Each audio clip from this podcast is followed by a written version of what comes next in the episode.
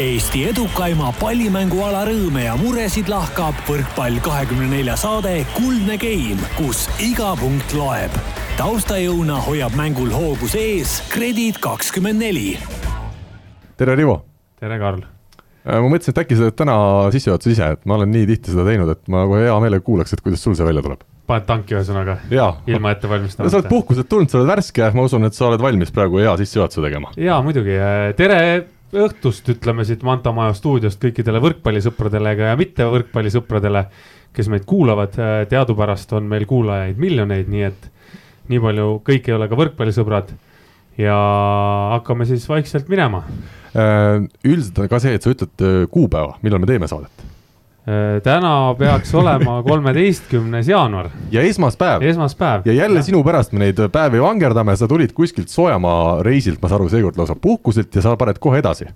täna ja, õhtul. ja täna õhtul lähme laagrisse Tenerifele. kas see laagerdamine ja puhkusreis, need on nagu, võib võrdusmärgi sinna vahele panna või need on ikkagi natuke erinevad asjad? No seekord sattus nii, et äh, kolm koondise mängijat olid ka puhketel, siis me tegime ikka trenni niimoodi üle päeviti ka midagi, aga, aga üldiselt on puhkus on teine asi. räägi mulle, kui mina üldiselt käin puhkusel, noh, ma küll väga tihti ei käi, kui siis tööga seoses kuskil äh, ja siis võtad pool päeva vabaks, aga aga siis me üldiselt nagu sõpradega samasse kohta juhuslikult ei satu, et kas teil kuidagi Venemaa koondises on nii, et teeme puhkuse ja siis kõik juhuslikult olete samas linnas? Tead, äh, me oleme enne seal Tais ja Puketil käinud kõik koos ja erinevate koos vanemate ja sõprade ja kõikidega, et äh, kuna kõigile see koht meeldib, siis nad kõik sinna läksid.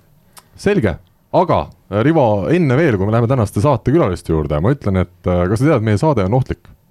ei tea no ma ei mõtle seda ohtlikkuse all, et sina oled võimeline kõik meie saate naiskuulajad maha murdma, sest kellele me valetame, sul on ka vanus peale tulnud. aga ma pean hoopis seda silmas, et meile tuli väga armas kiri kuulajalt nimega Merilin ja tema ütles, et ta kuulab meie saadet tihti jooksulindil ja et vahel, ma ei tea, kas, kas nüüd, kuidas nüüd nii juhtus, võib-olla ta ajab mõne teise podcast'iga meie podcast'i sassi, aga ta ütles, et ta hakkab seal jooksuhundil vahel naerma. ja Rivo, sa tead, öeldakse, et ära tee teisele seda, mis sa ei taha, et sinule tehakse. kujutame nüüd ette, on kaks tuhat seitse aasta, juunikuu, Zagrebis ja sina Kristjaniga olete rannavolle MK-etapil oma esimese suure võidu lävel, juhite finaalis šveitslaste vastu, eks ole, mängu viimast game'i seitseteist, kuusteist, teil on matšpall, Kristjan paneb sulle tõstevõrgu kohale ja ei tea kust hakkad sina löögihetkel naerma. no ei saa ju nii ma kogu aeg, kui ma mängisin, ma irvitasin seal, see on mul meditsiiniline probleem, mind see ei ole seganud. no aga mõtle, kui pahane Kristjan su peal oleks olnud ja nüüd mõtle, kuidas need Merilini palli maha löönud. ei, seda ma ei usu, seda ma ei usu, aga mõtle nüüd, kuidas Merilini kõrval need jooksulintid olnud inimesed ennast tundma pidid sel hetkel. mina hakkaks ka kartma, kui keegi kõrval jooksulindi peal vahet pidamata naerab, et ma kardaks tõesti, et tal on midagi viga. pakuks abi. ja sa ju tead, milline on keskmine eestlane, ta pigem hakkab teist eestlast ilma mingi põhjuseta sügavalt sõimama, kui naerab teise eestlase nalja peale. nii et ma viimast korda kutsun sind selle saate jooksul siin ikkagi korrale, et hakkame nüüd üks, üht tõsist, sellist väga tõsisel moel saadet tegema, et seda ikkagi peab tõsiselt seda Eesti võrkpalli asja ajama. mul on väga hea meel, et äh, on meid kuulavad sportlikud inimesed, aga ma tahaks siis, äh, Merilin oli ta nimi jah ja.? Merilinile öelda, et sport ongi ohtlik, et siin, kui sa võtad ise selle riski, kui sa sinna selle jooksuraja peale lähed, nii et äh, see on meie jaoks kompliment, aga ära meid süüdista selles, et sa kukud seal aga täna, kolmteist jaanuar on Eesti võrkpallis suur pidupäev, sest armastatud mängija ja treener Argo Meresaar tähistab neljakümnendat sünnipäeva. mul on hea meel öelda, et tänu sellele imelisele tööle, mida ma tegema olen sattunud, on mul au üht oma lapsepõlve suurt eeskuju ka isiklikult tunda ja kui vahel on sportlastega nii, et teleri vahendusel sporti tehes jätavad nad hoopis sümpaatsema mulje kui lõpuks isiklikult tuttavaks saades, siis Argo puhul julgen küll kinnitada, et tegu ongi täpselt sellise suure südamega džentelmeniga, nagu kunagi ammu mulje jäi. palju õnne, Argo, meie saate ja kogu kogu võrkpallirahva poolt. minu poolt ka palju õnne, ma ei ole veel Argole Facebooki kirjutanud, aga siis ma ei hakka talle kirjutama Facebooki, et ma soovin siit talle palju õnne. ja ma tuletan meelde, et sul endal täitub sama number see aasta. jaa. kardad ka juba Oot,? ei, ootan huviga, ootan huviga. aga seda vananemist sa tunned ikka kehas? ei tunne. ei tunne? ma kakskümmend, sihuke üheksa praegu ütleks iseenda kohta, üheksakümmend üks kilo ja normaalne mees selge, aga aitab sellest väga pikast saatejuhatusest, sest meil hakkavad juba vaikselt saatekülalised äh, siit ruumist välja liikuma. nii et äh, ütleme tere tulemast saatesse tänastele külalistele, kes on kahe peale mänginud sellistes riikides nagu USA-s, Filipiinidel, Saksamaal, Prantsusmaal, Türgis ja ka Hollandis. tegu on Eestis ka, näed, Rivost jälle abi. Eesti on kõige pikemad äh, saates on Eesti kõige pikemad äh, naisvõrkpalluritest õed, Kadi ja Liis Kullergan, tervist tere. tere. no ma tean, et teil on sellest küsimusest ilmselt juba villand saanud äh, ammustest aegadest, aga ma uurin ikkagi, kumb teist siis ikkagi pikem on? Kadi on pikem, mina siis. nii ja kui pikk? Äh, üheksakümmend kolm või üheksakümmend neli, oleneb see on ilma tossudeta? no absoluutselt. aga sokid on jalas? ei ole. ei ole ja Liis, palju sina oled? meeter üheksakümmend üks. meeter üheksakümmend üks. Rivo, palju sina oled? kaks, kaks null üks tossudega. nii et tänases saates, äh, noh, kui ma panen ka mingid kontsad alla, siis ma olen ka kaks meetrit, aga ilma meeter üheksakümmend ega saate õige lühem liige. Äh, Rivo, ma küsin algusest, mida sina Liisist ja Kadist mäletad? kui kaugele see mälestus äh, läheb selliste mängijate puhul? ega täna esimest korda ei, ei...? päris aus vastus, ega ei mäletagi, paar-kolm aastat tagasi siis, kui, sest nad läksid mõlemad ju Ameerikasse kohe, on ju ja peale Audentest. ja sealt ei tule, noh, vaata Audentesest ei mm., ei mäleta nagu suurt midagi ise, siis olid minul rasked ajad elus Audentest ei mäleta ma ise ka midagi et äh, ja sealt USA-st ei kuule midagi, noh, siit siia ei jõua mitte midagi, et siis. siis ei olnud äh, Karli ka veel.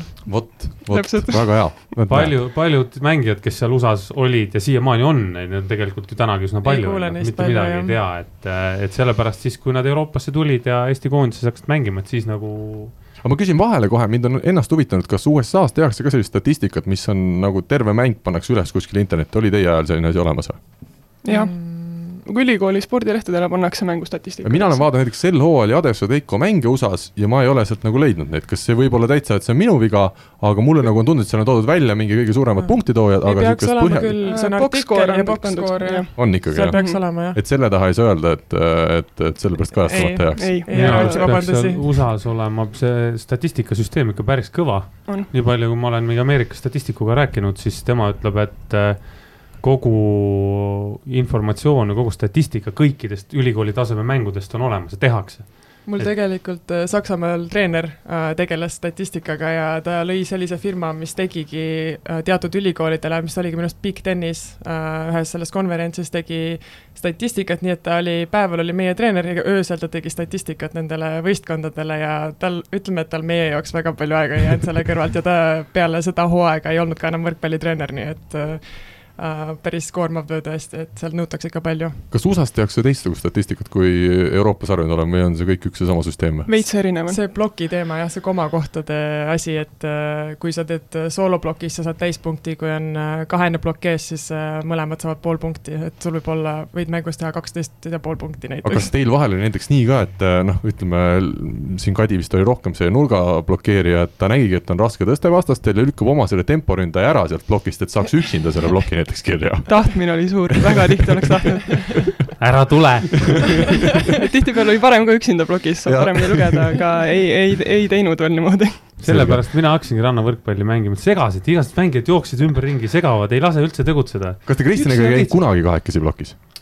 Äh, tead, meil ei olnud, ma ei mäleta, et oleks juhtunud, aga rannavolles on seda ikka juhtunud küll, kus jääd, noh, jäädakse lihtsalt situatsioon on selline, et kumbki ei jõua ära minna, on ju, võrgu juurest ja siis hüpatakse kahekesi. on see midagi ilusat tulemust ka toonud või? Äh, jah, ikka on, mõned punktid on kätte saadud, aga mingi hetk hakkasid äh, austerlased proovima meelega, et läksid kahekesi plokki, üks tõmbas välja, siis vastane ei teadnud, kuhu koksata või kuhu ja, lüüa aga. Nende karjäär sinna jäigi vist? ei, see ei toiminud jah, väga üle, üle mingi kahe turniiri no me USA-st jõuame tänase saate jooksul veel rääkida, aga esmalt ma küsin, äh, kas see maailmaränduriks olemine ongi teil kuidagi hinges ja veres või see on lihtsalt juhuslikult mõlemal nii läinud, et kohe mõlemad õed on sisuliselt pool maailma läbi käinud tänu võrkpallile? minul on see kindlasti veres, et algusest peale kohe teadsin, et peale keskkooli tahaks kuskile minna, muidugi alguses ei teadnud, kuidas, aga, aga siis tekkis võimalus minna Ameerikasse ja peale seda nonstop. ja Kadi, sina oled läinud siis õe jälgedes nagu paljuski või? Võib öelda küll, jah. talle vist väga ei meeldi see ei, no seda tihti eeldatakse, et äh, kuna ma olen aasta noorem, ega mul muud varikumenti ei ole, et ma ei saa enne Liisi lõpetada põhikooli ja minna.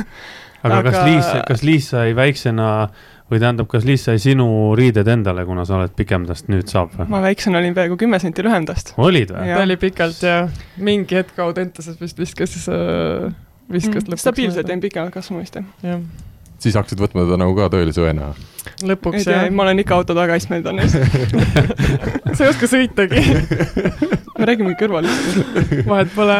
nii, läheme edasi ühesõnaga, mis me rääkisime Kadi...? peretüli ei taha, peretüli ei tahaks siia saates esimest korda. see küsimus alles tuleb, kuidas omavahel äh, õed läbi said, aga, aga sinul, kuidas see Ameerikasse jõudmine siis välja nägi? mul oli tegelikult pikemalt plaan, et Liisil tuli ta järsku ja ta sai sinna väga heasse ülikooli. Äh, jah, et mul oli üliplaneeritud oli sul? mul oli pikemalt plaanis juba minna, et mul oli eeskuju, kelle järgi ma tahtsin minna. mitte ja mina. see oli nagu enne, kui Liis üldse nagu minu meelest sinna poole kes vaatas. kes eeskuju oli siis? Heidi Luks tol ajal. et äh, tema läks siis äh,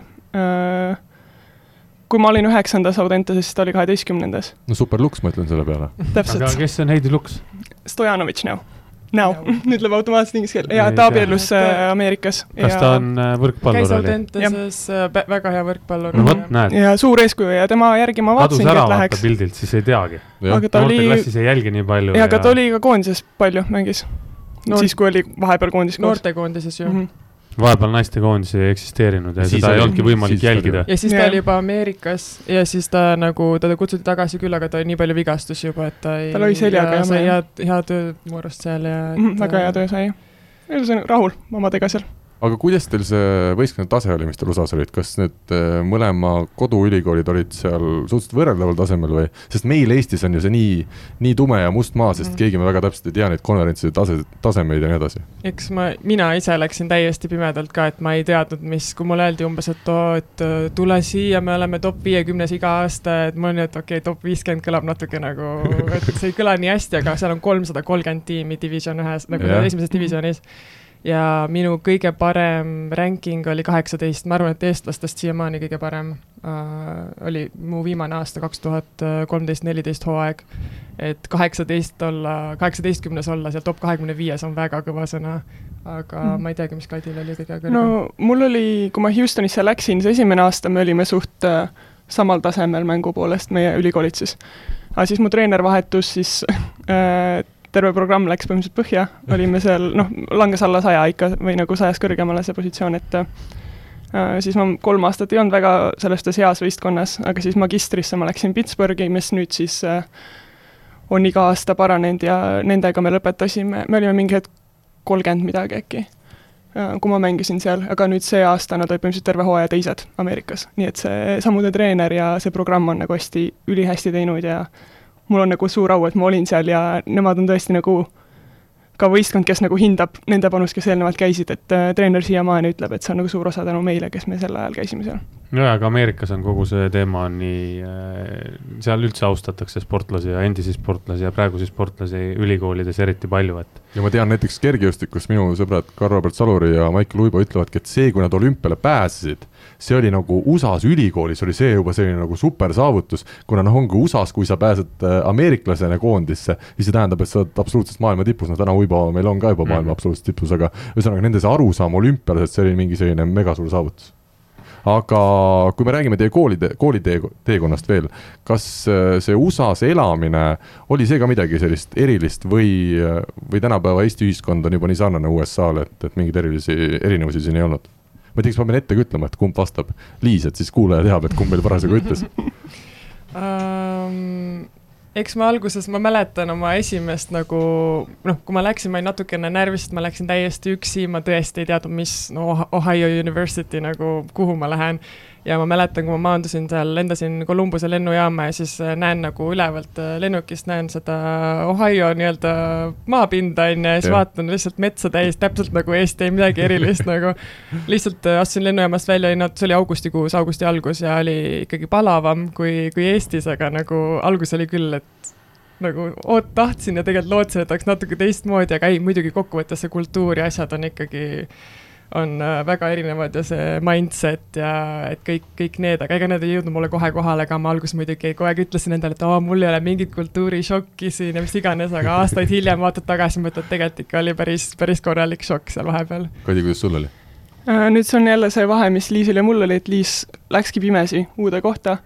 Äh, kuna ma hakkasin varem planeerima, ma käisin viiel ametlikul visiidil nii-öelda, et ülikoolid maksid kõik kinni mu reisikulud ja ma käisin viies erinevas ülikoolis valimas endale ülikooli nende seast. nii et ma olin üle, läbi nagu käinud need kohad, et üks ülikool oli see Heidi juures, oli Houston, kuhu ma lõpuks läksin äh, ja siis käisin veel üle Ameerika paaris.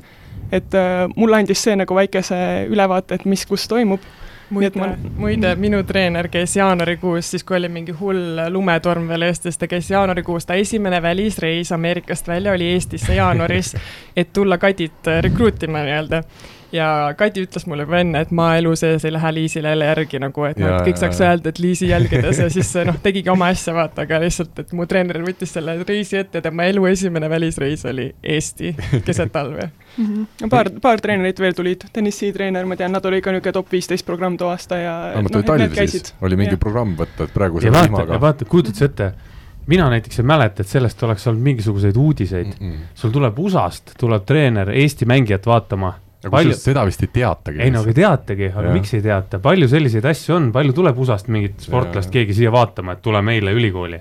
null, ma arvan, või kui käiakse. ma tean, kergejõustikus ikkagi käiakse mingil määral, aga see ongi niisugune asi jah, et seda võib-olla teab see sportlane, keda no, aga see oleks ju tegelikult tore, kui oleks ja. sellest ka uudis ja siis ma tahtsin öelda kultuurišoki kohta. ja siis mõtle, Eesti tüdrukud väiksest linnast lähevad sinna, on ju, Ameerikasse, üks on keset metsa, teine on Houstonis, mis on hiiglaslik linn, eks ju, keset kõrbe põhimõtteliselt et ja siis tuuakse kuskilt New Yorgist, tuuakse Rakverre mängija korvpalli mängima siis maandud Tallinna lennujaamas juba vaatad niimoodi, et mm, huvitav, siis paned sada kiltsa kuskile metsa. siis öeldakse, jalad siin, saal on siin, energiaosk on seal. vot see on kultuurishokk. aga mina küsin nii hoopis riva vahel, et kas sina, kui sa olid ka, ütleme, samas eas keskkooli lõpetamas, kas sa üldse teadsid, et USA-s ülikoolid on, ülikoolid on, kuidas teie ajal see värk käis? Äh, jah, ikka, aga, aga ega sellel ajal ei olnud praktiliselt võimalik üldse kuhugi välja saada. Soome oli ainuke koht, kuhu keegi sai mm, -hmm. nagunii see oli üheksakümmend kaheksa, üheksakümmend üheksa aasta siis nagu unistada sellest, et minna kuskile USA-sse ülikooli. siis oligi unistus, ütleme teid oligi paljudel, kuna üheksakümnendate alguses olid väga paljud Eesti paremad võrkpallurid jõudnud Soome mängima, oligi ikka unistus saada ja, Soome või? kõik olid jah, Soome oli see, kuhu ja. kõik saatsid minna, jah. ja sina ei pääsenud sinnagi? Ei jah, saad sinnagi. Tuleme Kadi juurde tagasi, kas kultuurišokki oli, oli väga palju siis äh, teistsugust või? no Houston ikka, ikka jah, Texas on teine asi veits, sa ei saa nagu ülejäänud Ameerikaga ka võrrelda, et äh, esiteks kliima, ma läksin sinna kõige kuumemal ajal niisugune, et äh, nelikümmend kraadi päeval on normaalne, mul oli kell kuus hommikul olid trennid, ma mäletan nii hästi oma esimest hommikut, et ma mõtlen, ma ärkan viiest ülesse, astun uksest välja, niisugune hea jahutav ja teed ukse lahti ja lihtsalt saun lööb näkku, et seal on üsna kuiv ka, on ju see ei, väga, väga niiske, väga niiske ja see teeb nagu hullemaks, et äh, kuivaga on veits selline, et talub paremini ära, aga seal sa ikka kleepud. aga kas sa endale, vabandust, ma küsin, kas sa endale kauboimütsi ostsid siukse? ei, aga nagu äh, Tallase selles äh, filmis, seriaalis. korralikku ei ostnud, aga üks asi, mida ma siiani kahetsen, on, et ma kauboi-saapaid ei ostnud, need on ülilahedad tegelikult. aga neid saab tellida internetist kusjuures? jah, aga ma tahaks neid õigeid ju. aga kas sa kauboi laintantsu, laintantsu õppisid seda, kus jalga tuleb? ikka jah ja., seal on ju, lähed klubi ja siis on iga kolmas laul on kantrilaul ja siis kõik teevad ja päriselt siiamaani mõtlen, oh. kuule, aga mul on lõpuks võimalus küsida ära üks küsimus, mida ma olen tahtnud alati ameeriklastelt küsida, nad ei ole ameeriklased. How you doing? jah, see on teine variant. aga minu küsimus, kas MacGyveri A-rühm on seal ka nii populaarsed, nagu nad Eestis on või? kindlasti mitte. ei ole jah? väga old school, vaata, see oleks olnud nagu kümme aastat enne meid. see on väga hea küsimus, Karl, see ma juba, juba nomineerin, nagu ikka nomineeritakse aasta alguses, ma nomineerin selle aasta küsimuseks ära. nagu jalgpallis on teisel jaanuaril on aasta värav lüüakse. super nii, ühesõnaga, et vastus on, et ei. pigem ei, jah. Nad ei vaata neid vanu sarju või? ei, neil on see NCA NCIS ja mingi niisugused äh, krimisarjad rohkem. jama, vaat siis on aru saada, miks see USA ühiskond nii metsas on omadega no, Friends, Friends on ka vanematest ah, no, vaata, aga kusjuures ma sain aru, et äh, tihti nagu paljud filmid, Hollywoodi filmid, mis nagu siin on tuntud või laulud isegi, et äh, ma räägin, et oo, et see on ju Ameerikast pärit, et kindlasti teate, see oli nii, umbes Euroopas oli ülisuur ja mis iganes ja siis nad kuulevad seda, pole elu sees kuulnud. Ja see ongi, et ma sain aru, et tegelikult tehakse nagu Euroopa turule ja Ameerika turule erinevaid asju, kuigi mõlemad tulevad Hollywoodist Eestis. minu meelest on just vastupidi ka, et äh, teatud filmid ja asjad, mis nende jaoks on nagu klassika ah,, kõigi jaoks nagu yeah, kõik kvoodid yeah. on peas, terve filmi võivad ära rääkida sulle, eestlaste jaoks on nagu, käib mingi niisugune odav väike film, korra käib läbi telekas, see oli mm. mõttetu. aga siis nende jaoks on nagu see kõigi aegade parim film. legendaarne, jah. aga see Die Hard ja Üksinda kodus, neid ikka teati või? Ikka, jah. no aga ja. nüüd, Rivo, mina, mina pakun sulle uueks aastaks selle sellise väljakutse, et hakkame Ameerikasse tagasi viima nende enda sarju, MacGyverit ja A-rühma tutvustama. see on hea mõte. sest need on nii head sarjad, sa võid neid vaadata ükskõik mis hetkel, tead, teeb tuju heaks, olgu kas või kaks tuhat kakskümmend aasta, ei pea olema kaheksakümne viies aasta, et. see on väga hea mõte. ma täna, kusjuures rääkides, täna hommikul vaatasin A-rühma. ai ma olen isegi sakslastelt küsinud selle Cobra üheteistkümne kohta. Seda isegi teati, aga nad olid üllatunud, et Eestis nagu kusjuures minu saksa keele oskus, ma käisin Tallinna Saksa Gümnaasiumis, ma ei õppinud seda saksa keelt üldse sisuliselt, kolm aastat ma selle aasta aja jooksul üldse ei õppinud saksa keelt, ma käisin nendes, nende klassides, kus seda saksa keelt oli hästi vähe. Ja ainsad, mis ma tean saksa keeles ongi Cobra Elf, eks ole, autobahn ja siis Semir Vassislus, eks ole, kuna see oli igas sarjas seitseteist korda vend ta käest küsis seda, eks ole. et, et need sarjad õpetavad. Elu, mida Rivo, sina noorena vaatasid? mina vaatasin äh, kõiki neid samu MacGyvereid ja, ja Knight Ridereid, aga saksa keeles, nii et mul saksa keelt võin spre, sprechenita küll natuke. ma saan saksa keelest ideaalselt aru kõike ja, ja rääkimiseks on vaja natuke mõelda, jah vot see, kui mõtlemist on vaja, see on hea. see on, see on minu jaoks raske, see on, kõige raskem osa minu jaoks üldse. Äh, mida me USA ajast veel räägime, kas need inimesed ikkagi on võltsid seal, ma küsin päris otse välja, sest ma olen nii palju kuulnud seda arvamust, et äh, sinu juuresolekul räägitakse, oh you are great, oh it's fantastic, wow. ja siis, kui lähed nurga taha, siis äh, enam inimesed nagu sellised ei ole, et, et see on kõik nagu natukene on see üle pressitud või seal sõltub ikkagi nagu igal pool maailmas inimestest? sõltub inimestest absoluutselt, seal on ka väga siiralt hoolivaid inimesi, keda võib-olla on siin palju raskem leida. Yeah.. et äh, noh, ma räägin, ma just käisin nüüd äh, sügisel uuesti külas Ameerikas oma sõpradel ja kui sa saad seal head sõbrad, siis nad on eluks ajaks väga head sõbrad ja tõesti nagu ülihoolivad, aga on ka muidugi niisugune noh, sa pead tajuma ära selle piiri, et niisuguseid pealiskaudseid on ka palju, kes nagu lihtsalt suhtlevad ja noh, aga sellest ma ei tea, kui sa oled natukene intelligentne vähemalt, siis sa saad aru sellest kohe, kes mm -hmm. tuleb siiralt su poole ja kes, keda väga ei huvita, et täidab lihtsalt õhku enam-vähem jutuga, et mm -hmm. sa pead ise lihtsalt inimesi lugema piisavalt selle jaoks, ma arvan. Liis, sa oled nõus sellega? Äh, ma ütleks, et alguses lihtsalt oli no ma võib-olla vaata ei osanud oodata seda täpselt, kuna ma noh, ma hakkasin aprillis tegelema selle asjaga, et üldse Ameerikasse minna, siis mul oli lihtsalt mitu kuud paberitööd ja teste ja asju ja siis ma augustis juba maandusin seal, et ma ei jõudnud nagu väga analüüsida ja mõelda neid asju, et ma jõudsin lihtsalt sinna ja siis ma mäletan jälle, ma üks päev läksin, oligi sügisel, esimene sügis, kõndisin nagu loengusse ja siis ma nägin ühte tuttavat, kes ei olnud isegi nagu noh, ei olnud mu tiimist, ei olnud võrkpallur, aga nagu äh, nad lehvitavad mulle tänaval ja hey, how are you ja siis mul mingi okei okay,, no räägime nüüd umbes, ma ei tea, mis iganes asjadest, aga see vend lihtsalt kõndis mööda ja nagu nii, siis ma lihtsalt ma ei tea, nagu ma. solvunud oli natuke, eks? jaa, nagu ma nagu ma olin valmis nagu pika jutu maha pidama, aga ta lihtsalt kõndis minema, mul oli lihtsalt täielik šokk, ma ei saanud aru nagu miks, miks see nii on, aga siis ma hakkasin aru saama, et see ongi lihtsalt niimoodi, kõnnid ringi, hey how are you, lihtsalt käidki terve, terve koolitöö ongi kümmet inimest näed, hey how are you, hey how are you ja siis ja. Uh, see on nagu kõik, et. see on siiamaani naljakas, mul on äh, ka ameeriklastega suheldes, noh, minu jaoks on see nagu küsimus, see on nii harjumatu et kui Eestis keegi küsib, et no tere, kuidas läheb, siis läheb minema. siis läheb lihtsalt jalutab minema, siis vaatab, vaataks lolli näo peale, aga teine asi, mis ameeriklaste puhul on minu arust müstiline, on see, et nad suudavad rääkida lihtsalt mitte millestki kogu ja. aeg ja absoluutselt kogu aeg suhelda inimestega millest nad räägivad siis? toidust. millestki, ükskõik seal... nagu lambi teema tuleb ja need räägivad. ja ma, mul on nii selgelt meeles, ma olin, no üldiselt nad ei istu nagu kohvikutes või ei saa sõpradega kokku ja ei joo kohvi nagu Euroopas tihti on nagu ja lihtsalt, kui käidki seal ja siis ma paar korda sattusin niimoodi, et ma istusin seal kuskil kohvikus ja kuulan kõrvallauas kaks mingit totsi räägivad omavahel ja lihtsalt pool tundi ja mitte mingit sisu ei tule jutust, lihtsalt äh, like ja mis seal on uh,, oh my god ja mingid siuksed asjad ja lihtsalt ma lihtsalt sain, läksin lollimaks seal istudes vist. ma võin, ma võin tegelikult trikki öelda, kuidas ameeriklastega suhelda. on äh,, räägi lemmikrestoranidest, toidukohtadest, see, sellest nad räägivad vähemalt pool tundi jutti sulle, seal ei ole probleemi.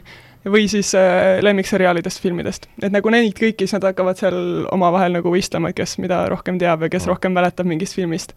aga jah, restoraniga mul just oli tööl, terases olin ja siis äh, tuli üks Eesti naine, on ameeriklasega abielus, nad tulid siia, tegid tennisetrenni. siis ma rääkisin selle mehega paar sõna juttu, küsisin, kust pärit oled, nii edasi, oli ka Texasest pärit. ja esimene küsimus temalt minule oli siis oh,, do you know torches? Mis on siis äh, taco restoran. siis mul nagu, jaa, see oli kusjuures mu viimane koht, kus ma söömas käisin, sest see on ülihea taco koht, on ju. aga nagu põhimõtteliselt siis sellest me rääkisime viisteist mintsa vist.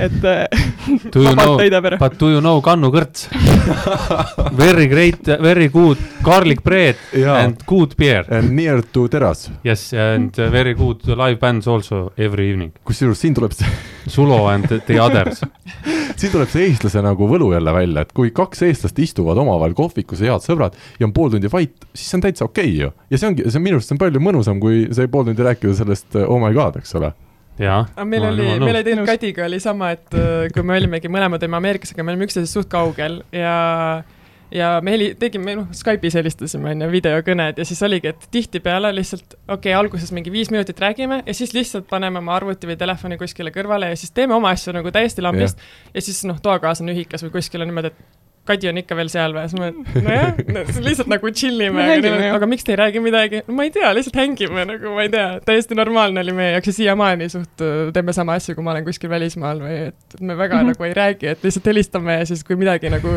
juhtub selle, sellel hetkel, kui meil see kõne käib, siis nagu räägime, aga muidu ja. pigem lihtsalt on, ongi chill, noh. aga Rivo on üks koht, kus seda eestlaslikust asja, eestlaslikku asja väga ei saa rakendada, see on meie saade. et siin ikka, kui me nüüd pool tundi sinuga sissejuhatuseks oleks vait, noh võib-olla mõnele jah meeldiks, kellele. kõik eestlased kuulaks, meil oleks kuulajaid oleks rohkem.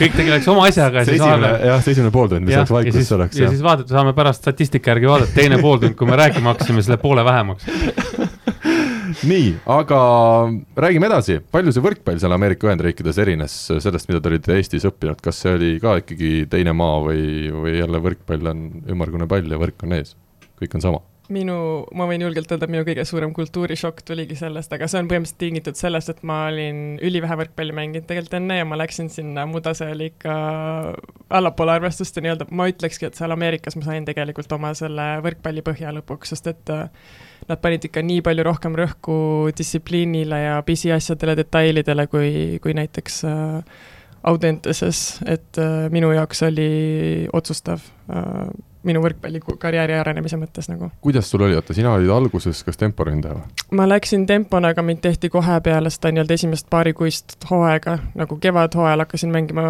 nad harjutasid mind nurgaks või diagoks ja siis lõpuks ma olingi järgmised kolm-neli aastat olin diago tegelikult. kuidas see läks, neil siis neid temporündajaid on nagu endal nii palju? no neil on pigem see ka, et ma juba läksin nagu suht kogenematu mängijana sinna ja see mäng oli minu jaoks nii kiire. mul oli nagu, see võistkond ka üldiselt mängis hästi kiiret võrkpalli, hästi palju kombinatsioone ja kuna ma olin juba ise, niigi nagu ei olnud väga hea kogemuse, kogemuspagasiga seal, et see oli liiga kiire mu jaoks ja siis äh, oligi nagu mõttekam mind äh, panna kas siis nurka või diagonaali ja siis äh, too kevad ma ma mäletan, me tegime hästi palju, meil oli, mulle väga meeldis see treener ja ta, ta küsis kõigilt, et mis on nagu parim kuidas sa õpid kõige paremini ja minu jaoks oli visuaalne tagasiside, ehk siis meil oli alati Tivo ehk mingi telekas taga seal platsil ja siis peale iga kordust saad näha oma, oma tehnikat või käteasendit plokis või mis iganes. ja siis äh, ma mäletan veel nii selgelt ka, et ta näitas mulle ho-, nagu selle kevade alguses, kuidas ma näiteks nurgas või nu-, diagonaalis ründasin, täiesti nagu tempo selle kehakeelega ja siis mm peale paari kuud äh, harjutamist nagu kuidas see kehakeel täiesti muutus, äh, kuidas nagu ma hakkasin välja nägema rohkem nagu nurgaründaja või mis iganes, et see oli ja.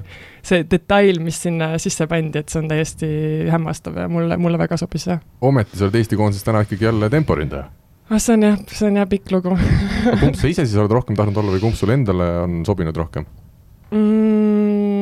Mulle suht meeldisid mõlemad, aga mulle, minu jaoks on nagu koondis on alati niisugune suur motivatsiooniallikas ja seal ma olin alati pigem tempo ei, nagu ei tahetud võeta väga, võtta väga diagonaalina, nii et see, see lõpuks nagu suht kui ma läksin teiseks hooajaks Saksamaale, siis äh, ma otsustasin enda jaoks, et ma valin ühe ja valisin lõpuks tempo siis. aga seda ei ole, et ikkagi diagonaalründaja saab ju palju rohkem tõsteid, palju rohkem on nii-öelda uudistes ära toodud, et näed, diagonaalründaja resultatiivsem, eks ole, kakskümmend kaks punkti, olgugi et see mm. pluss-miinus on võib-olla miinus seitse, eks ole, aga ikkagi rohkem punkte, et kas ja. seda nagu unistust ei olnud, et olla see nii-öelda põhiliider või? ma ei ole nagu kunagi vist võrkpallist niimoodi mõelnud, et mu jaoks on, ma, ma olen üli nagu kuidas ma ütlen, ma teen hästi südamega asja üldiselt, noh, ma olin kergejõustiku juures, olin ka üli nagu kindlalt üheksa aastat järjest ja siis lõpuks, kui ma pidin vahetama, oli ka üliraske südamega vahetasin, et kõik teavad, et kui ma valin mingi asja, et ma teen seda lihtsalt noh, täiega ja siis äh, võrkpallis oligi, et pigem ma tahan näha, kus mina saan ise nagu kõige rohkem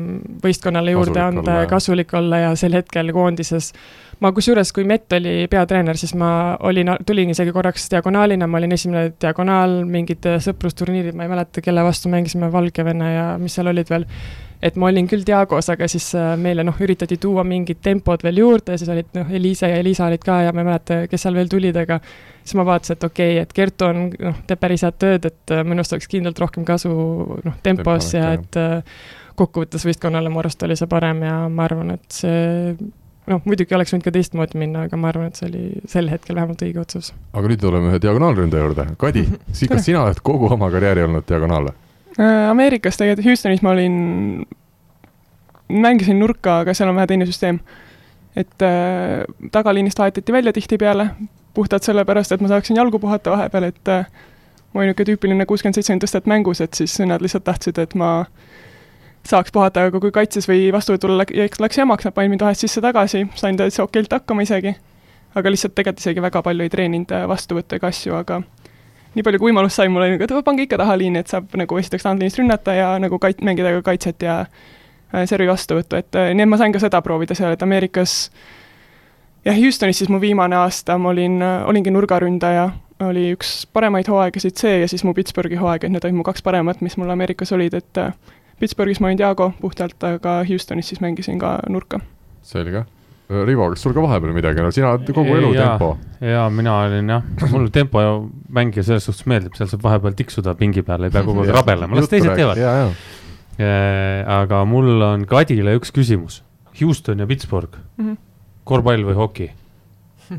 kumb mulle rohkem meeldib või? jah äh,. ma just saan nüüd siin viimasel ajal panin tähele, et ma ainuke Ameerika profisport, mida ma vaatamas pole käinud, on NBA, sest korvpalli ei ole jõudnud. Rocketsi ma elasin seal neli aastat ja käisin praegu külas ja pole ikka jõudnud Rocketsi mängule. Äh, NHL-i mängul ma käisin ära Pittsburghis seekord, aga, aga NFL-i mänge siis, äh, kuna jalgpall on tegelikult Suur-Ameerikas äh, või nagu lõuna pool ehk Texases, siis ka Texansite mängul käisin ja Pittsburghis samamoodi käisin Ameerika jalgpalli vaatamas, et siis ka Ameerika jalgpall, mul läks see üldse meelest ära. jah mm -hmm., meeldib väga vaadata kusjuures ja jah, saad aru ka? ikka no vot. sa ei saa, kas sina ei saa?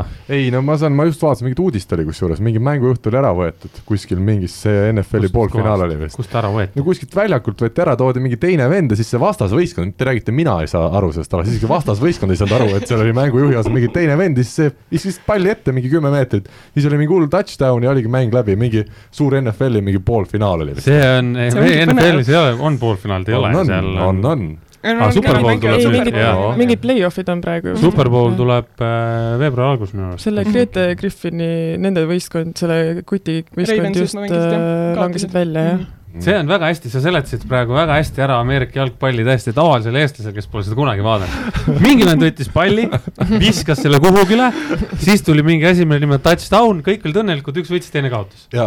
Väga hästi seletatud. jah, ei no nii ongi American Football for Dummies on siuke raamat, sa võid kirjutada selles raamatus. ma lisaks sinna veel väga pikad igavad time-out'id või pausid, mis seal vahel on ei no aga kõik ootavad, miks seda finaali üldse peetakse, see on see mingi vaheaja show on ju lihtsalt, ega kedagi see mäng ei huvitagi minu arvates. ei, reklaamid kusjuures. jaa, reklaamid ka veel jah. miljon dollarit sekund. aga jah aga te vaatasite neid finaale ka siis või? on see nii, et kogu Superbowl ikka ja sup-, mul oli isegi iga kord, kui mul on Euroopas olnud ameeriklane võistkonnas, et see Superbowl party on täiesti noh, kolm, kell kolm öösel isegi, et see on suur asi ja ja noh, Euroopas vaadates ongi see, et sa magad need reklaamid maha või sa ei näe neid reklaame, mis seal USA-s tulevad, mida mingi järgmine päev lähed kooli ja siis kõik professorid ja õpetajad küsivad umbes, et no mis te arvasite nendest reklaamidest, milline mm -hmm. oli mhm. lemmik, lihtsalt terve päeva räägid reklaamidest, mis on täiesti mm -hmm. nagu ma ei tea. no, no ärikoolis oli loogiline see ka veits Superbowl on äh, maailma üks vaadatumaid spordi kõige vaadatum. jah, peaks mm -hmm. olema. ja teine koht on Rivo Vesik, Kristjan Kais, kaks tuhat seitse Zagrebi MK-etapi finaal minu teada. ja kolmas mm -hmm. koht on äh, Robin Ristmäe suvepoisi finaal Pärnu Sunsetis kaks tuhat kuus aasta või seitse, mis ta seal oli. seda, seda on ka väga palju vaadatud äh,, ikka, ikka triljonitesse ulatub see vaatamine. ma loodan, et Robin kuulab seda osa, kindlasti tal on praegu hea tuju. aga Kadi, me rääkisime Liisist, äh, palju see Ameerika võrkpall nii-öelda oli teistsugune kui Eestis? Kui palju mm, sina seda kogesid? suuresti sama nagu Liisiga, et äh, mul ka ei olnud väga palju kogemust all, läksin sinna õppima, eesmärk oligi vollasiselt areneda. esimene aasta oli tohutu areng siis selle treeneriga, kelle juurde ma läksin esialgselt äh,. siis oli väike nii-öelda mõõn või ma ise tundsin, et ma ei saa seda, mis ma oleks tahtnud äh,, kui mul see uus treener tuli. puhtalt ta taseme pärast, aga mu, kogu mu põhimõtteliselt ikkagi voole teadmised ja oskused pärinevad siis Ameerika ajast ja kõige rohkem või noh, kas ka nüüd kõige rohkem, aga hästi-hästi palju õppisin see oma viimasel aastal, kui ma magistrit tegin Pittsburghis ja oli siiralt kahju, et ma ei saanud selle treeneriga neli aastat treenida äh, ühe asemel, et ta ise oli täpselt samamoodi, et mm -hmm. oleks nagu varem kuidagi kokku saanud, oleks üliülilahe olnud. selge, palju teil publikut käis vaatamas koduülikooli mänge? mina elasin väikses linnas, kus oli koolist vabal ajal oli kakskümmend tuhat inimest, aga kui ülikool oli, nii-öelda õpilased olid linnas, siis oli nelikümmend viis tuhat inimest ja põhimõtteliselt inimestel ei olnudki muud teha, nii et meil olid saalis üldiselt tuhat viissada kuni kolm tuhat viissada inimest ala, igal mängul. aga kui sa siis, nii, kui sa tulidki siis sealt USA-st ära, ülikool sai läbi, tulid Euroopasse, mis sul esimene riik oli?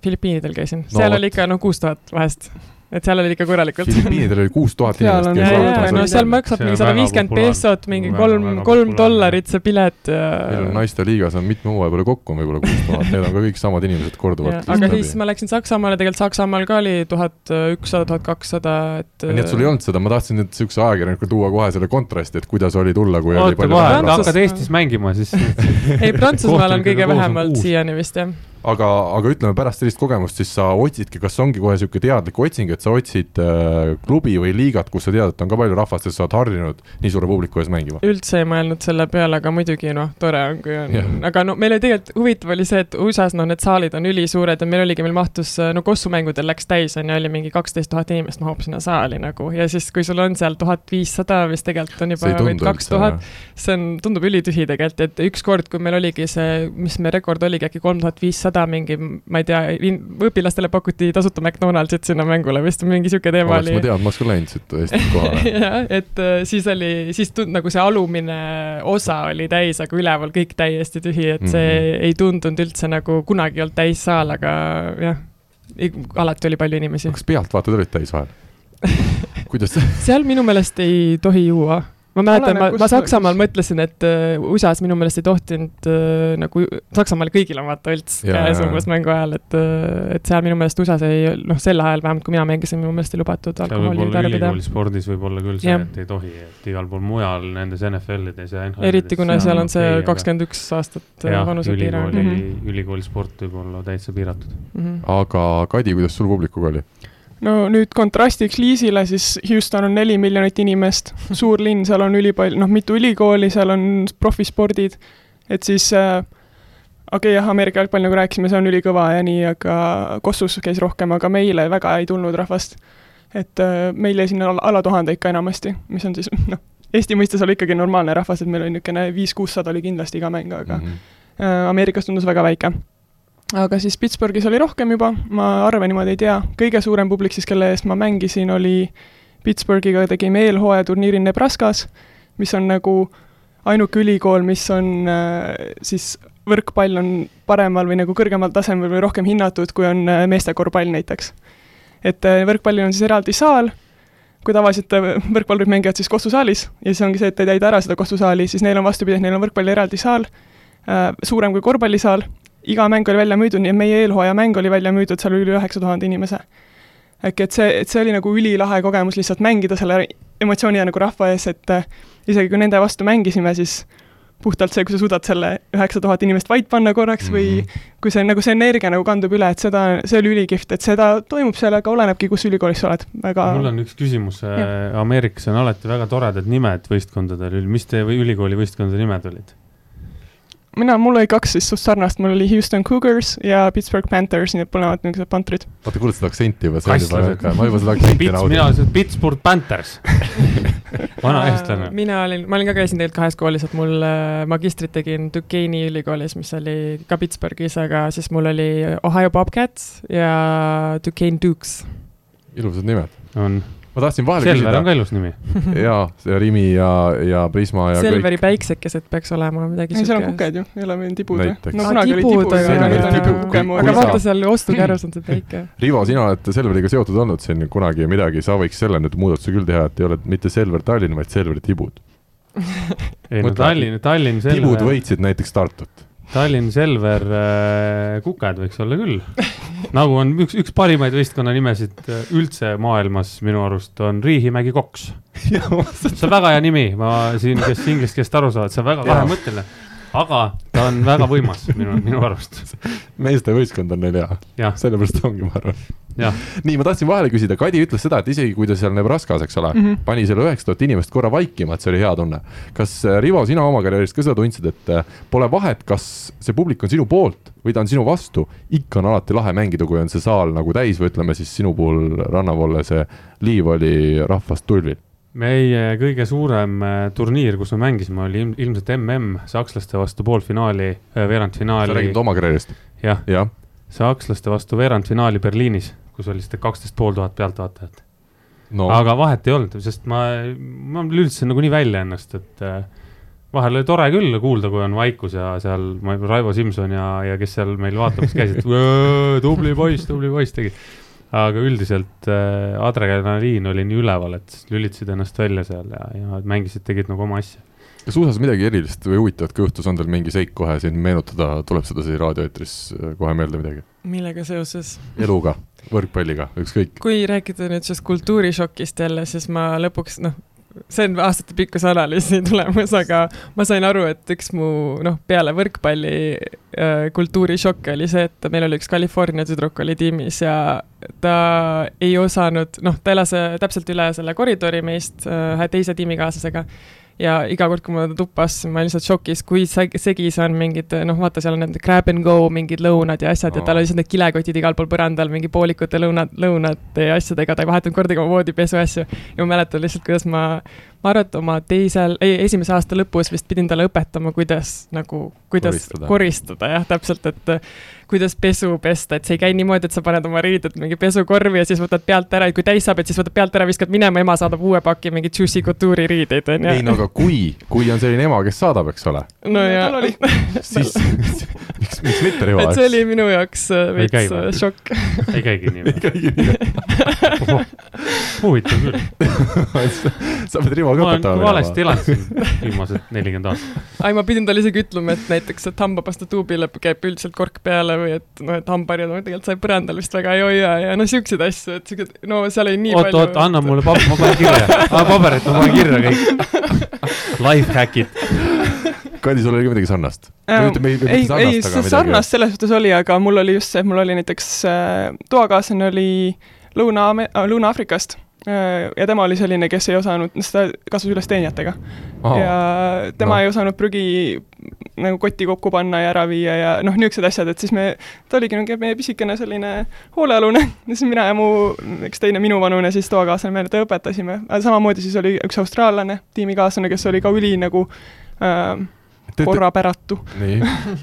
et äh, neid ikka oli, aga mul nagu jah, ei olnud ameeriklastega nii väga, et mul olid nagu need ülejäänud rahvusvahelised kaaslased ka seal, kes on, et see ei ole nagu ainult nende probleem, aga üllatav küll, kui vähe inimesed nagu oskavad enda eest hoolt kanda. siis te olite põhimõtteliselt teenijad, võibki öelda ju ei, ei, me ikka käskisime nagu... neil teha seda värki, aga me õpetasime. mulle ikka pakuti ka, et lihtsalt okei okay,, et ma täna ei viitsi õppida, umbes ma annan sulle kakskümmend dollarit, et tule koristas, ma ütlesin, et ei, nagu ma teen, ma aitan sind, kui sa nagu kuulad ja teed ise, et sa lõpuks nagu teedki ise seda. kuigi. Rivo kakskümmend dollarit, vaata, ega see ka Eestis üliõpilased on selle jaoks saanud juba see ühikaraha peaaegu kokku. ma arvan, et siin äh, TalTechi üliõpilased, need koristaks kaks päeva sul tuba, peseks nõusid ja möllaks seal. teeks ise jälle mustaks ja hakkaks jälle koristama, jah. kuidas te nimesid hääldati seal Ameerikas? Liz. Liz? Liz, jah. mul oli Cardi. Cardi. jah, aga siis, kui ma ise ütlesin Cardi, siis nad kuulsid, et see oli nagu Cardi, nagu R-i ja C oh. ja igasugu imeasjadega, siis mul oli päris keeruline. aga ma... ameeriklastele meeldivad väga, väga hüüdnimed ja siis ma mäletangi ühte trenni, siis küsiti, et mis su hüüdnimi on, siis ma ütlesin, mul ei ole, mul nii lihtne nimi nagu, et ongi lihtsalt Liis yeah. ja siis äh, mäletan, kuidas abitreener hakkas seal, ise lõi mingi kasti peal palle seal keset trenni ja siis hakkas mõtlema, okei okay,, cool, cooler, cooler Khan, corner Khan, sest mulle meeldis nurkadesse servida, sest ta, kas see oli üks asi, see oli mingi Genghis Khan no siuksed asjad hakkasid tulema lihtsalt seal, aga lõpuks mul jäigi cooler. Icebox oli ka Icebox tuli jah, Icebox tuli. ja sul? mul ei olnud kusjuures, mul nad jäid selle Kari juurde, mis oli väga niisugune lõpuks minu... Killer Gun.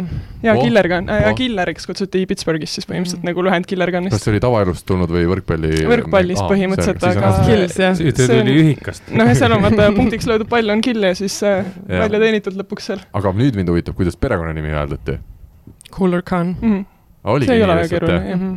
aa, ma lootsin, siit tuli ka mingi Cooler mm -hmm. Cane aga okei okay,, selge, nii. eks seal oli muid igasugu individuaalseid hetki, aga üldiselt jah, Cooler Khan. ja mul oli professor, kes oli neli aastat ja iga kuu ütles mind Keidiks, et nagu mm. ma võin viis korda neid parandada, aga siis lõpuks ma lihtsalt ei viitsinud. aga nii ei olnud nagu, ma mingis saates siin rääkisin, võib-olla ei rääkinud ka, ma ei mäleta, Hiinas on kõik, kellega ühendust võtad, ükskõik mis turniirid Hiinas, kõik on Rachel'id Rachel ja Jim ongi nii? Nad ei pane oma Hiina nimesid, nad kirjutavad sulle. Nad panevad ka välisõpilased. Nagu... Jennifer on hästi populaarne neil. mul oli, mul oli üks grupikaaslane, ta päris nimi on Si Hang ja ta veel valis endale Ameerika nimeks Rick, näiteks. jah, täpselt, panevadki sul, kui eurooplane kirjutab, siis vastavad sulle Rachel, Jennifer või mingi Jim. nii, aga mulle meeldib ka seda küsida alati, kui palju Eestist teati ma tean, mitte midagi üldse ei teata. küsiti pigem, et what state is that in kui öeldi, et mul, where you from. jah, mul küsiti is that in Texas hästi palju, sest Texas on suur, vaata. aga paar korda oli niimoodi, noh, juba ühel visiidil, ütles, et aa, see on ju blue, black and white, on ju. ja siis noh, hakkavad panema Baltic States või midagi. aga ma küsin natuke lihtsam, kas nad Euroopat teadsid, kus on ja mis see tähendab või?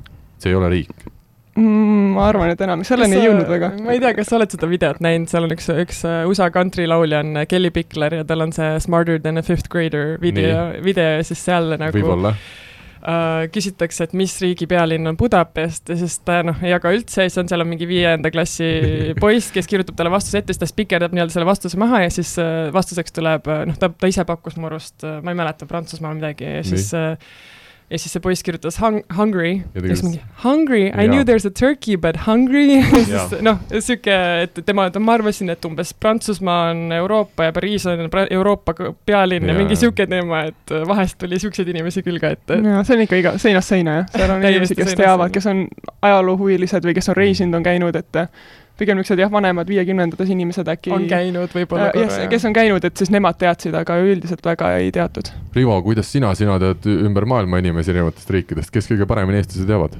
ikkagi lätlased ja leedukad, jah? jah, ma jätaks need välja aga ma ütlen päris ausalt, venelased. Vene, venelased on sellised, kes äh, teavad ja mäletavad Eestit ja ja hea sõnaga mäletavad. väga hea sõnaga, nagu väga-väga hea sõnaga. USA-s väga vähesed. pigem noh, kui sa mõtled rannavõrkpalli seltskonnas, siis tänu meile nad teavad, on ju, mis on Eesti on uurinud. aga, aga väga vähesed, et üks äh, mingisugune Californias oli turniir kuskil, Los Angeleses oli turniir. ja siis mingi kohalik tuli rääkima ja küsis, et kust te siis pärit olete, on ju, siis ma ütlesin, et Estonia tüüp ütles, oh, Estonia! Sounds like a great country. Sounds like a great country, all right, yeah, it is great country, but it's like Estonia, aa ah, okei okay,, Estonia. Mm. -hmm.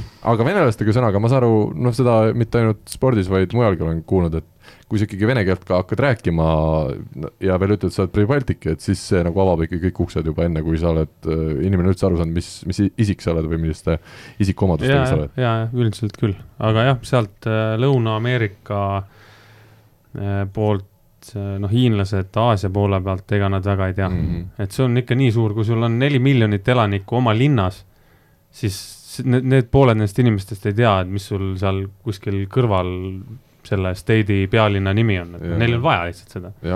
vaevalt, et nad sealt kunagi üldse välja lähevadki, mis on üsna kurb, aga nii on.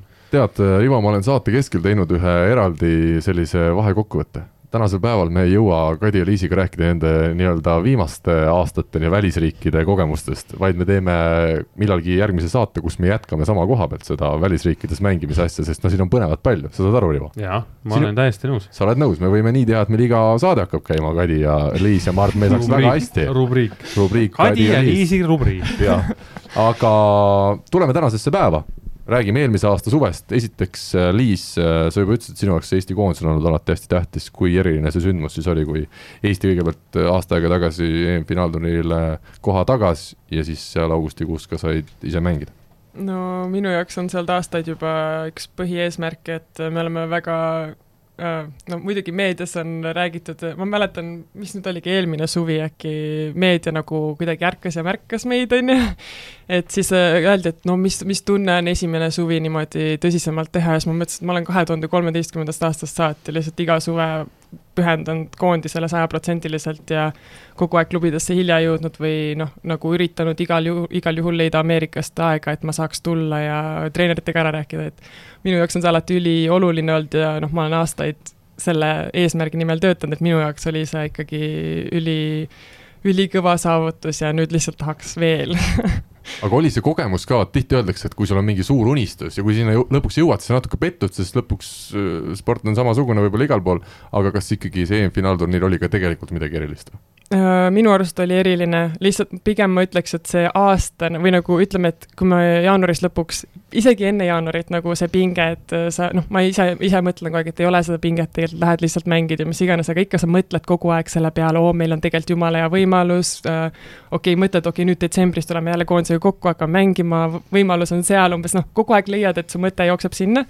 Ja siis, kui me lõpuks kvalifitseerusime, siis nagu too kevad ma, ma ei mäleta muud kui ainult seda, et ma mõtlesin kogu aeg, et okei okay,, augustis, augustis, augustis on see mm -hmm. EM ja siis sama tegelikult no nüüd ilmselt ma võin oma selle halva klubivaliku ka selle kaela ajada, et äh, ma tahtsin, et mul lihtsalt oleks see nagu mõttest ära, et ma saaks keskenduda sajaprotsendiliselt EM-ile ja et mul ei peaks nagu muretsema, et issand, et kui mul augustis ei ole klubi, et, et ma, et see nagu segaks mind kuidagi, et et mul, ütleme, et eelmine aasta kuni augustini läks tõesti täiesti selle alla ilmselt no sa ise ka ütlesid, et äh, tegelikult kahe tuhande kolmeteistkümnendast aastast sa oled ju Eesti koondises olnud ja suve, suviti on ikkagi tõsist tööd tehtud, olgugi et nüüd see viimastel aastatel läks üha professionaalsemaks. siinkohal mul tuleb meelde ühe just võrkpalliinimesega sai siin arutatud, et äh, tegelikult Eesti ju kas kaks tuhat neliteist või millalgi Peeter Vahtra käe all te mängisite MM-valikturniiri ka väga hästi ja tegelikult olite nii-öelda Euroopas kahekümne kahe parema seas, mis nii-öelda samamoodi mängides EM-valikturniiri kahe tuhande üheksateistkümnendal aastal olekski taganud koha sinna kahekümne nelja parema sekka, et tegelikult see Eesti koondise tase ei ole nüüd nii meeletult tõusnud, nagu äh, siin kohati on jäänud mulje, eks. Eks see oleneb nendest äh, süsteemidest ka, et see EM-i süsteem tol ajal, see oli üks mu esimesi turniire üldse ja siis me mängisime, meie alagrupis oli Läti, Leedu, Island. Ja tänu sellele, see, tänu, see oli esimene ring ja selle, tänu sellele ringi võidule me pääsesime kolmandasse ringi otsa, ehk siis oligi, et mängime noh, selliste tiimidega, no see Islandi naiskond ja. nagu, see oli toredad tüdrukud kindlasti. tore, toredad naised või noh, emmed et nagu ma mõtlen lihtsalt mit, mitte halvas mõttes, aga mõtlen noh, et tõesti, et see oli lihtsalt, ma ei tea, kuidas me saime sealt kolmandasse ringi, kus me läksime Serbia ja Aserbaidžaani ja Iisraeli vastu mängima, et see lihtsalt oli niisugune süsteem ja noh, eks see ikka oleneb nagu see aastagi, et EM-ile pääsesime, kuna kuna said kakskümmend neli võistkonda, vaata mm, -hmm. et mhm. kuueteistkümnes ikka ilmselt veel ei oleks saanud. mul on väike fun fact selle MM-i kolmanda ringi kohta ka. nii? ma mängisin, see oli ainuke koht, kui ma olen tempot mänginud ja päriselt mängisin Aserbaidžaani vastu vist isegi mängus. aga Liis oli ka siis tempo või?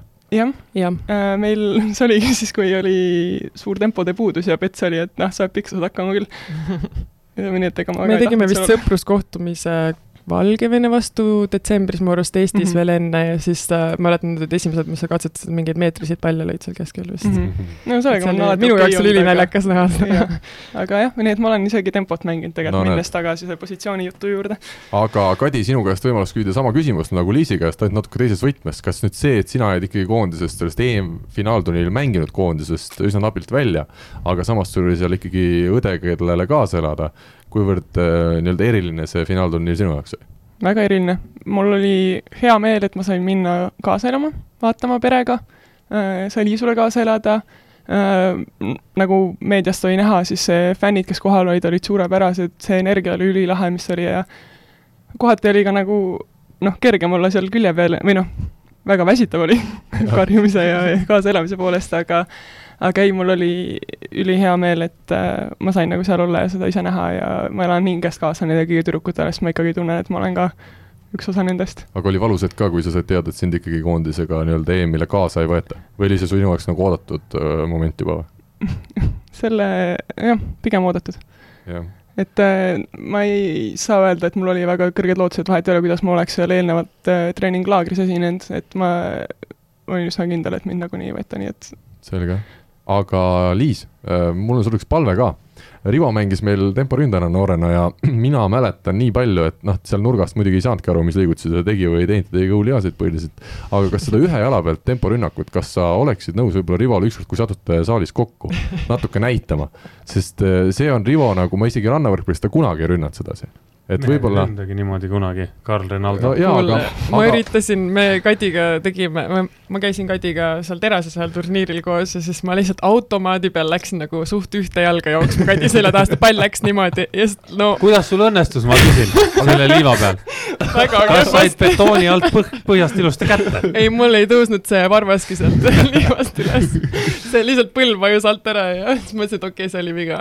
aga tõste läks, läkski selja taha siis või? ja ei, ma ütlesingi selja taga ja siis ma lähen noh, läksin nagu selle asemel, et kahe jala pealt minna, läksin oma automaadi peale ühe jala pealt ja siis ma ütlesin, et okei okay,, see oli väga vale otsus, aga jah. Selge, kuna meil kuulajaid kindlasti huvitab ikkagi ka see, mis seis te tänasel päeval olete, võtame kõigepealt Liisi ette. Sinu esiliiga klubi Prantsusmaal leping on äh, nii-öelda lõpetamisel, ma tean, kui keeruline sul see olukord seal on ja sa kõigest vist ei saagi veel rääkida, aga mida sa nüüd ise näed siin lähiajaks, kas sa ikkagi loodad saada veel välismaalt nii-öelda lepingu või millal see transferite äh, üleminekute aeg läbi saab? Mm,? eks esmane eesmärk ongi see, et ma saan sealt klubist lõpuks selle vabastuse nii-öelda reliisi, et ma olen vaba mängija, et ma saan üldse nagu öel-, rääkida klubidega ja öelda, et okei okay,, et ma olen valmis tulema ja valmis mängima ja et ma noh, et ma saan ikka nagu minna, aga see ei olene minust, tegelen sellega hetkel läbi advokaatide ja kelle iganes Äh, loodetavasti ma saan selle lähipäevil ja siis ikkagi leiaks endale võistkonna, kuhu mängima minna, aga noh, loomulikult see, ma ei teagi, millal täpselt see transfer periood kas see oleneb ka liigast äkki või? võimalik, FIVB oma on vist ühte, üldine. ühte kohta. no Minust jaanuari lõpus, ma arvan, et, äh, et väga palju aega enam ei ole, et äh, kui see millegipärast läbi kukub, siis äh, noh, hetkel ma treenin TalTechiga, aga ma pigem üritaks leida siis variante, et minna, kui kellelgi ei ole medical joker'it vaja, see on natukene teine teema, aga see on noh, oleneb vigastustest ja asjadest ja see on väga ebakindel.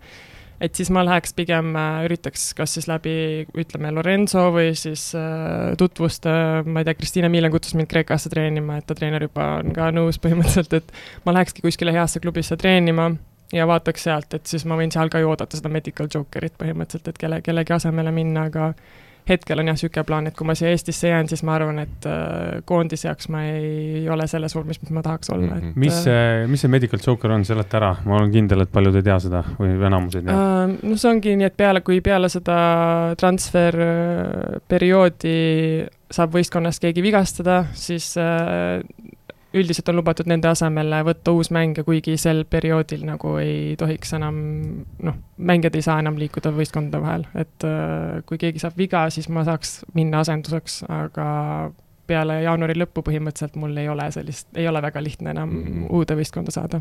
ütle lühidalt, mis sul seal klubis siis äh, nii-öelda valesti läks või mille taha see lepingu katkemine või mille, millest see tuli üldse mm,? ma ei saa väga spetsiifiliselt rääkida, aga jah, et äh, üldiselt jah, ebaprofessionaalsed äh, tingimused igas mõttes või? ja ütleks niimoodi jah, et no välja arvatud, noh, tihti esimene küsimus on too, et mis sa palka ei saanud, et see on vaata tavaline mm, -hmm. et uh, kuskil Kreekas või ma ei tea, Hispaanias, et tihti ei saa palka seal, aga ei, nagu palk tuli paar päeva enne kuu lõppu ja kõik oli korras ja palk oli okei okay ja selles mõttes, aga kõik, kõik muu reaalselt seal ümberringi oli ikka oli üsna, üsna kohutav, et äh, kindlasti mitte see tase, kus ma tahaks mängida, kindlasti mitte see treeneri kvaliteet, kindlasti mitte need tingimused nii-öelda nagu saali ja treeningute mõttes ja mängijate arvu mõttes ja mis iganes, et see kokkuvõttes ma sain lihtsalt, võib-olla õppisingi enda jaoks äh, sain aru, et mida ma tegelikult tahan, et see ei ole, et ma ei ole valmis veel minema sinna mm -hmm. sellele tasemele. Kadi, kuidas sinu karjäär tänasel hetkel on, sa oled mängimas nüüd siin Tallinna Tehnikaülikooli võistkonnas juba vist teist hooaega, kui, kui nii-öelda, kas sa ikkagi loodad ja unistad veel sellest, et sa pääsed kuskile Euroopa tasemele mängima? ma ei saa öelda, et ma otsiksin mm, Euroopa tasemel mängimist, ma, mul oli ka paar pakkumist nüüd siin eelmine kevad ja ka sügisel, et ma oleks saanud minna ka see hooaeg aga ma ise tegin need otsused, et äh, mingi hetk tuleb äh, panna endal vaimne ja füüsiline tervis ettepoole, et äh, praegu ma olen siin. et nüüd vaatab siin, kuidas koondise asjadega kujuneb ja kuidas mul endal nii-öelda tuju on.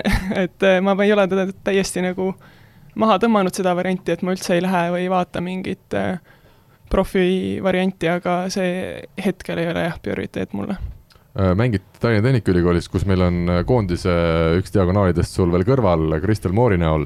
milline see konkurents teil võistkonna sees on olnud sellisel hooajal? meil oli väga, meil on väga hea kombo, selles suhtes, et äh, nagu eelmise saatekülalised ka rääkisid, meil kõigil on omad nüüd tööd ja teised kohustused, et äh, tihti tahetakse kirjutada, et meil on siin põhidiagonaal ja tagavaradiagonaal, et äh, pigem nii palju, kui me saame käia, siis me käime, tal on kooliga, ma olen tööga, kui ma olen tööl, siis ma ei lähe mängule. Äh,, tal vastupidi, on ju, et kui on koolis, siis ta ei tule, kui me oleme mõlemad kohal, me oleme suht fifty-fifty mänguaega saanud, et äh, mett teadupärast talle meeldib jagada, nii et äh, ma arvan, et see oli üks parimaid lahendusi, mis olla saaks selleks hooajaks, et muidu mul oleks endal ka väga kehv tunne olnud, kui ma ei saa olla võistkonna jaoks seal, aga mul oli hea kindel tunne, sest ma teadsin, et on olemas keegi teine. Ja ma arvan, et Kristel oli täpselt samamoodi, et kui tema ei saa, siis ei ole maailma lõpp ei ole kõige hullem, sest et on keegi teine, kes saab asendada. Väga hea, aga meil on aeg minna praegusel hetkel küsimusmängu juurde. küsimusmängu toetaja on teamshield.com oma disainiga spordi ja vaba aja riided eelmisel nädalal sai siis küsitud inimeste käest, et mitmel järjestikusel aastal on Tallinna Tehnikaülikooli naiskond pidanud Eesti meistrivõistluste poolfinaalseerias otsustavat ehk kolmandat mängu. Rivo, sina Eesti naiste võrkpalliekspert number kakssada nelikümmend kuus, mitu aastat on siis mängitud? Sa tead, mulle meeldib sind sedasi natuke ikkagi, et sul ei oleks see saate tuleb nii, et tuled ja teed ära. jaa, aga see on väga hea küsimus ja ma vastan sellele meeleldi ja ma pakun kolm. õige, õige vastus, kolm ja yes! nendest, kaks, nendest kaks on siis Tallinna Tehnikaülikool ka võitnud. möödunud aastal siis võideti Saaremaa klubi ja nagu me nägime, Saaremaa pärast seda lõpetas üldse tegevuse ära, nii et äh, ei tasu kaotada poolfinaalis TalTechile. meil oli ainult kolm õigesti vastajat, ilmselt natuke sellepärast ka, et meil see saade tuli natuke ootamatult vara seekord ja ma nüüd ei näita siin nimesid, Kadi, ole hea, ma lasen sul, kui sa oled esimest korda meil saates, öelda ühe ilusa numbri ühest kolmeni. no siis ma ütlen üks ikka. Äh, Silver Piirmets, mul on hea meel õnnitleda Silverit äh, võrkpalli kahekümne nelja erilahendusega võrkpallilegendidest särgi puhul ja meil on uue nädala küsimus ka juba olemas ja see küsimus on nüüd väga lihtne. me küsime, millises välisriigis peale USA on mänginud nii Kadi kui ka Liis saali võrkpalli vastused saab saata nagu ikka info et võrkpall kakskümmend neli punkt ee ja võrkpalli kahekümne nelja Facebookile sõnumitesse. ja kõige õigesti vastanute vahel läheb jälle loosi võrkpalli kahekümne nelja eridisainiga legendide spordisärk. meie aga läheme siit saate viimase osa juurde.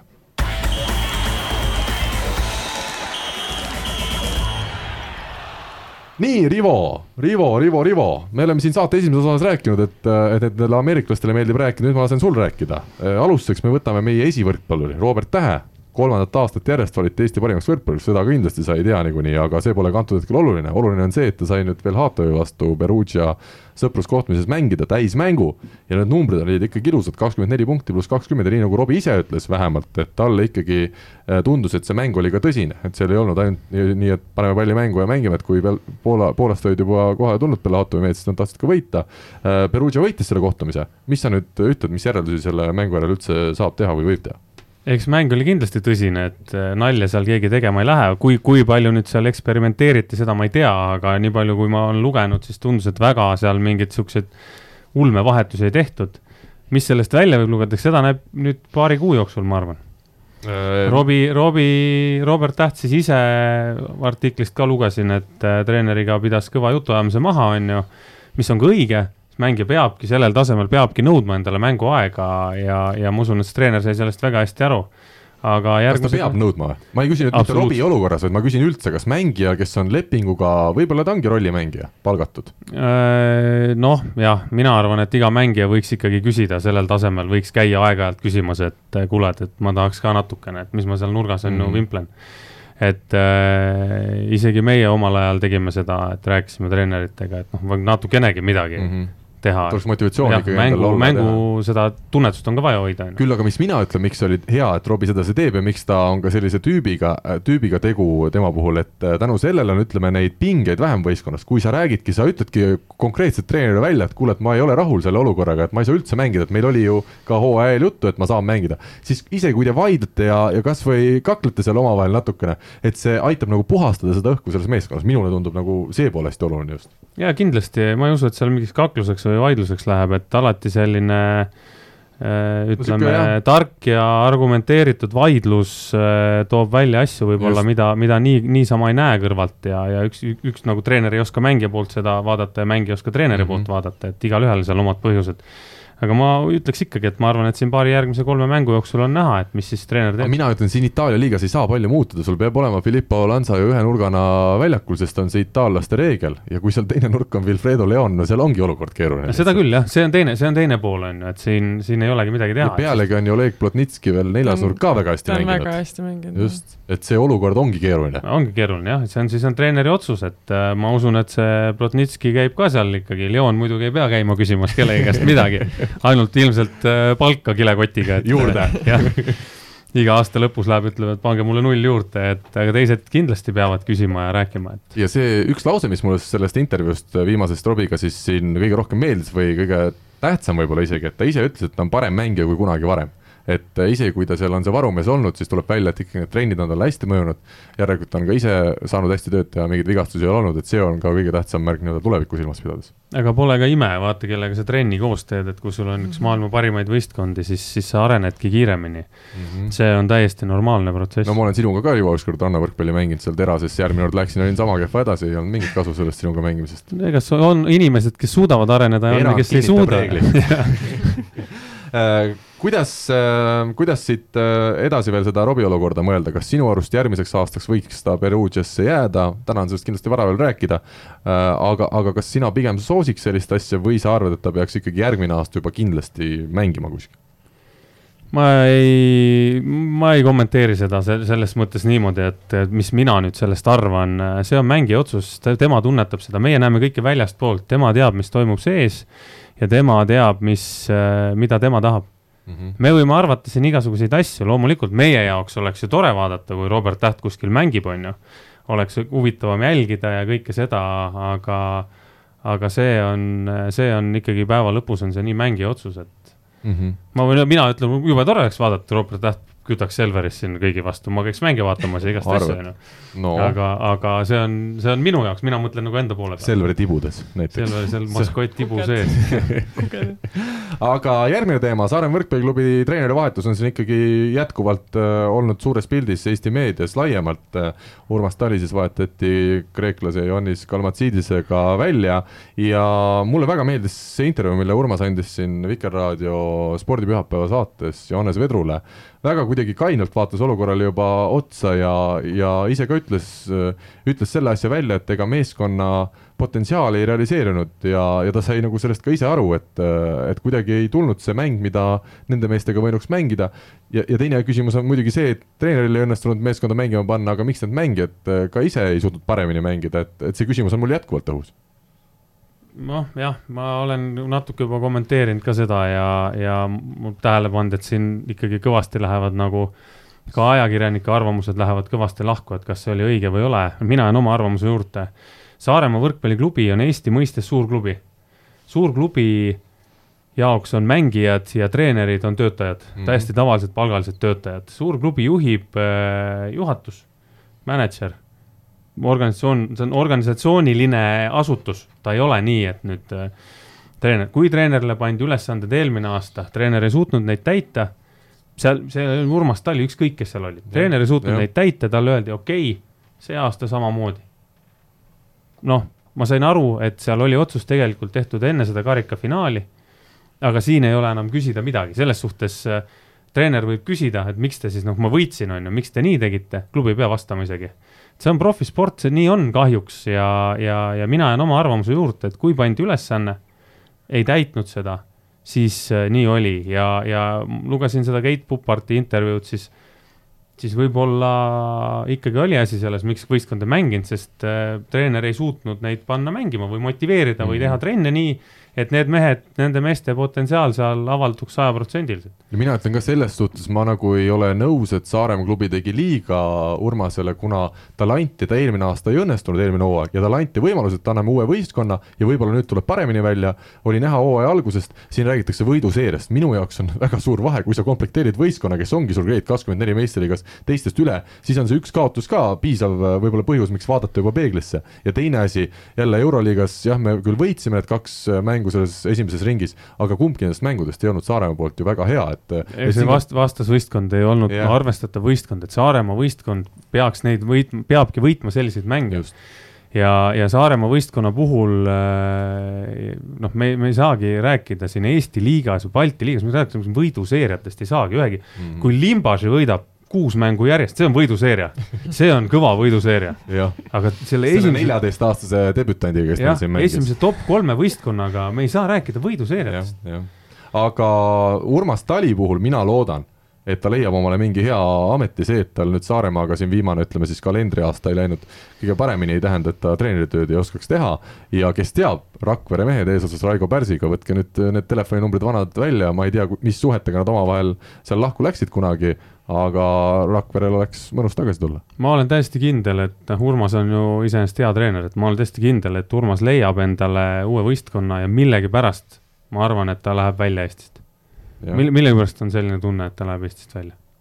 vaatame ja, aga kuidas sa Keit Pupart seda kommentaari äh, kommenteeriksid? mina saan aru, et see võib-olla tuli ka natuke emotsiooni pealt selles suhtes, et uus treener oli tulnud ja nad olid esimese mängu kohe kaotanud üks-kolm Selverile. ja, ja siis pandi mikrofon äh, suu ette ja kaamera käima, et äh, kas see võis olla sellest põhjustatud või seal oli ikkagi omavahel nii kõva selline siis ütleme, konflikt tekkinud noh, seal võis olla kõik asjad, aga millegipärast ma arvan, et Keit on harjunud lihtsalt natuke teistsuguste trennidega ta on nii palju Euroopa tippliigades mänginud, et ta on, ta ongi harjunud, võib-olla, võib-olla nagu teiste mängijate jaoks olid need trennid nagu super head mm, -hmm. aga Keit on harjunud vähe teistmoodi trennidega.